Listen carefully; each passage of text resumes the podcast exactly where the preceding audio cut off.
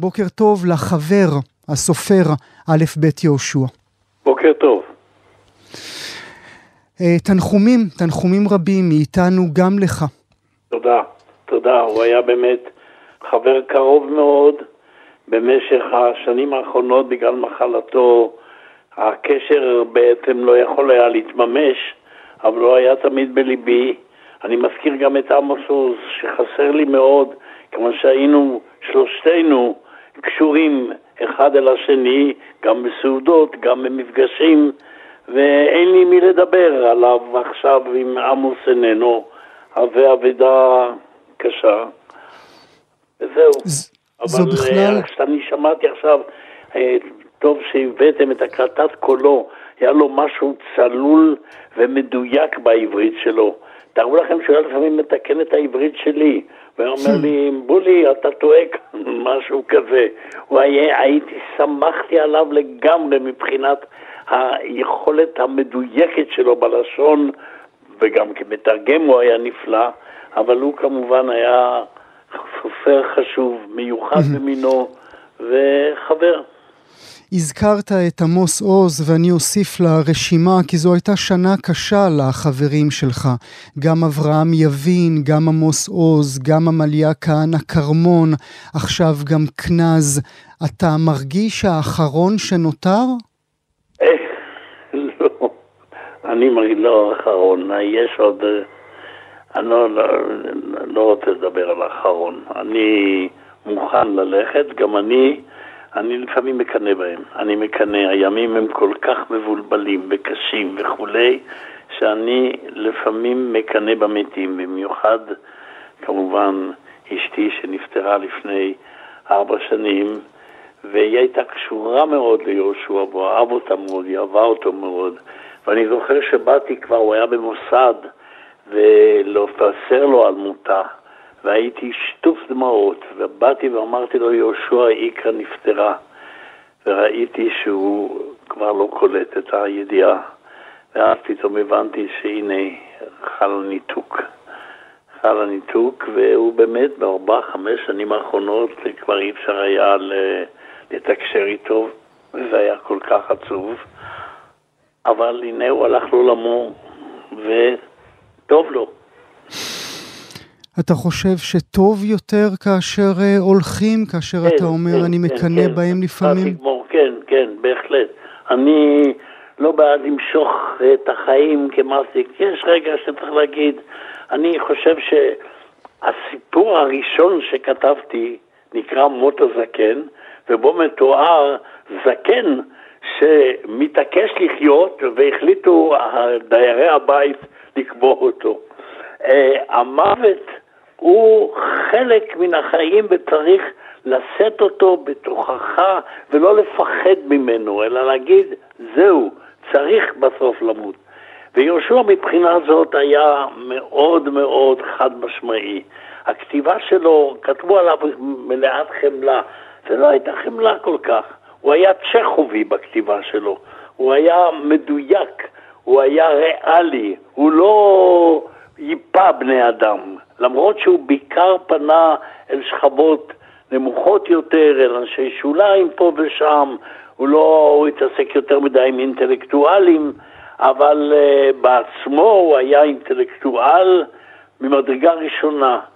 גם בתרגומים המופתיים mm-hmm. שלו, של תרבות צרפת, היה קשור mm-hmm. מאוד לתרבות צרפת, וגם מפעם לפעם נוסע לפריז ומתבודד שם איזה שלושה ארבעה חודשים כדי לכתוב. וגם אה, מבחינת הידע המוזיקלי שלו. מבחינה זאת, אני חושב שלמרות אה, שהבדידות שלו קצת אה, הציקה לנו, לאחרים סביבו, אבל לא חושב שלא הציקה. הוא קיבל אותה, הוא, הבדידות הזאת שלו, שהוא היה רווק בעצם, ולא הייתה לו משפחה, אבל הייתה לו משפחה, אחיו ואביו שהוא היה קשור אליו מאוד, וכמובן חברים. חברים, חברים, חברים, היו לו חברים מאוד מאוד נאמנים. למה אתה לא פוחד מהמוות? זה עכשיו שאלה, כיוון שזה הגיעה שעה, הגיעה שעה, אתה לא... למה לא צריך לפחד מהמוות? המוות הוא חלק מן החיים. אחרי, היינו צריכים למשוך את זה עוד ועוד ועוד ועוד ועוד, על מה? יש סוף. טוב, אנחנו לא נדבר על זה, אני רק אומר, אני אה, אה, אומר את זה, אנשים מתרכזים שאני אומר את זה, אני מקנא בכמה אנשים שגמרו את המשמרת שלהם, ו... ומבחינה זאת, יהושע גמר את זה, אמנם הוא ציפה לעניין הזה של הדמנציה, כיוון שאימו הייתה חולה, והוא ידע שהוא יירש את זה ממנה, כיוון שזאת, אלצהיימר זה מחלה תורשתית. הוא היה מבקר אותה, ומספר לי בצחוק על הביקורים שלו אצלה ועל כל מיני שטויות שהיא אומרת. היה לו יכולת להעביר את הנורא לתוך, להומור. כמו שגברת מוסקוביץ' הזאת, בדרך לחתולים, mm-hmm. הוא היה אומר לי, תשמע, זאת אישה איומה. הוא, הוא, הוא נבנה, היא נבנתה, הדמות בספר נבנתה על פי שכנה שהייתה לו בבית, ושהוא גם קצת טיפל ועזר לה. הוא אומר לי, תשמע, היא אישה איומה, אבל זה לא מנע ממני כקורא לבכות על גורלה בסוף הספר הנפלא הזה בדרך mm-hmm. לחתולים. Mm-hmm. אמרתי, אתה אומר לי אישה איומה ואני בוכה כאן. הוא אומר, אל תבכה יותר מדי, אישה איומה. אתה מאוד הפתעת אותי כאשר אה, בשיחה מוקדמת דיברת איתנו על ההומור שלו, על העובדה שהוא היה איש מצחיק. תגיד לי על זה מילה. אה, תראה, הוא לא היה איש מצחיק באותו מובן של זה, אבל אפשר היה לעבור איתו למה שנקרא למודוס של הומור. תמיד כשהייתי ככה, קצת היה כדרות, אני יודע, פוליטית או משהו מן הסוג הזה, הייתי מטלפן אליו והיינו מתחילים להחליף לאט לאט עוברים מן הרציני ומן הדרמטי בפוליטיקה, עוברים ישר לאיזה מודוס של הומור. היה לו את המודוס של הומור, הוא לא היה אדם שחיפש כל הזמן לספר בדיחות, הוא לא היה איש של בדיחות. אבל הוא היה איש שהמוד של ההומור היה חלק מתוך השיח שלו. צבי לוריה, הגיבור שלך במנהרה, כן. הוא בעצם יהושע קנז? לא, אני אומר את זה ככה, לא, לא יהושע קנז, אבל השיטיון שהתחיל אצל יהושע קנז לפני שש שנים, משהו כזה, וראינו את השלבים האלה, של הבלבולים האלה, ושל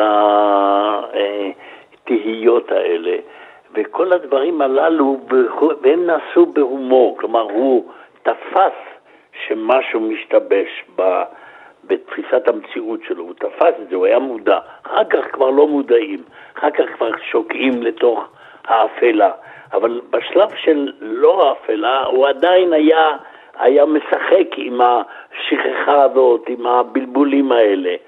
ואת השלב הראשוני הזה, שהיה בו גם הומור, יכולתי לקחת כאלמנט כאשר התחלתי לכתוב את המנהרה. Mm. כלומר, כיוון שהנושא הוא נושא קודר ועצוב נורא, אבל דווקא בגלל המודל של יהושע יכולתי לקחת את היסוד ההומוריסטי, המבולבל, השוויוני, המשחקי שיש גם במחלה הזאת, וכל כך, אה, וזה נתן לי את האומץ להתעסק ולבנות אה, דמות ועלילה על העניין של הדמנציה. אבל, אבל בעצם... אבל בעצם הוא כבר לא היה במצב לא לקרוא, אבל לא, אולי גם לא, שלא לא תוכל להגיד לו, כתבתי ו... עליך. כן, לא, הוא לא, לא ידע או כלום, אבל אני, קרה דבר מוזר, כשהתחלתי לכתוב את הספר, צבי לוריה ואשתו גרו באיזה דירה, בבית, במגדל, שהוא דומה קצת למגדל שבו אני גר. ואט אט עברתי, החלפתי את הדירה שלו בלי לדעת, רק העורך הרגיש בזה. החלפתי את הדירה והעברתי אותה לדירה של יהושע שהייתה mm. ברחוב mm. חמש שמה. כלומר, תוך כדי הספר, בטעות החלפתי דירה. והעורך בחוכמתו, מנחם פרי, החליק את הפשלה הזאת, את הטעות הזאת, שהסופר מתחיל בבית אחד, שהגיבור גר בבית אחד ופתאום הוא עובר לדירה אחרת. וחשב... אז הוא היה אצלך בלב לאורך כל הכתיבה. היה, הוא היה בלב, והיה עמדן חמש בדירה שלו שמה, בבאזל בבאזל. ושם הוא היה אוכל בצהריים החברים שלו. אני רוצה, רגע היה- לשאול על, אני רוצה רגע לשאול על עניין החברים. במהלך כל עשרות השנים שחייתם יחד, שהייתם חברים, שהייתם חבורה, שהייתם מגדולי הסופרים של ישראל, הוא לא התקנא בכם קצת שאתם הייתם הגדולים האלה ששואל, ששואלים את דעתם, שמבקשים אותם, שדופקים להם על הדלתות? אני חושב שלא. הוא היה אמנם, הוא קורא לנו הגדולים, כן, לעמוס ולי, כן, ולפעמים ככה, והוא אומר, אבל הוא היה איתנו, הוא היה, והוא הכיר את הערכתנו העמוקה. עמוס מאוד העריך אותו, אני מאוד הערכתי אותו, במיוחד אחרי אה, התגנבות יחידים שראיתי שהוא מתמודד, הצליח להתמודד עם נושא כל כך מורכב ועם היקף כל כך גדול. הוא ישב שנתיים באוקספורד, אני זוכר שבאתי לבקר אותו שם באוקספורד, בירנטון שם, שהוא כתב את אה, התגנבות יחידים, הוא היה מקלל, הוא אומר, מה נכנסתי, למה אני הייתי צריך לכתוב את זה, והיה כל הזמן סובל מן הכתיבה, אבל מצד שני מתמיד בה. אה, הוא ידע את הערכתנו העמוקה אליו, העמוקה אליו. אבל הוא ו- בקלות היה לעשות יכול זה. להיות גם, הוא בקלות יכול היה גם להיות אחרת. זה היה אין דפו, מין פגם באופי שלו, או שזה היה רצון אמיתי של תעזבו אותי בשקט, אני רק כותב. לא, הוא לא היה רק כותב, הוא לא היה גם עורך ב... ב לא, אבל, אבל אני לא רוצה להתראיין, אני לא רוצה שידברו איתי. הוא לא, לא רצה לחשוף משהו ב- ב- מהאישיות שלו, בחיים הפרטיים שלו. הוא רצה לשמור על החיים הפרטיים שלו מכל משמר, וזה היה חשוב לו מאוד. אבל הוא היה מאוד אה, לבבי ומאוד חברי, והיו לו הרבה חברים, המון חברים היו לו. ו- וכל כל יום בצהריים הם היו נפגשים שם, אני, אני לא הייתי הולך לשם, אבל שם, בבאזל שם היו נפגשים לארוחת צהריים עם... אה, מוהר ועם אה, אה, מיקי גורביץ' ועם אחרים, היו לו חברים. הוא היה איש רעים להתרועע גם, Mm. ללא כל ספק. הוא היה מגיע אלינו לחיפה לארוחות והיה שמח איתו. אבל uh, הוא לא קינא, הוא אמר, אני, זה מה שאני רוצה. הייתה לו אידיאולוגיה מאוד מגובשת.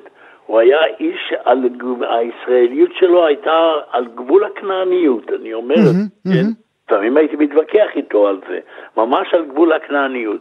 המודל הצרפתי של מדינת כל אזרחיה, זה היה בעיניו המודל הנכון למדינת ישראל.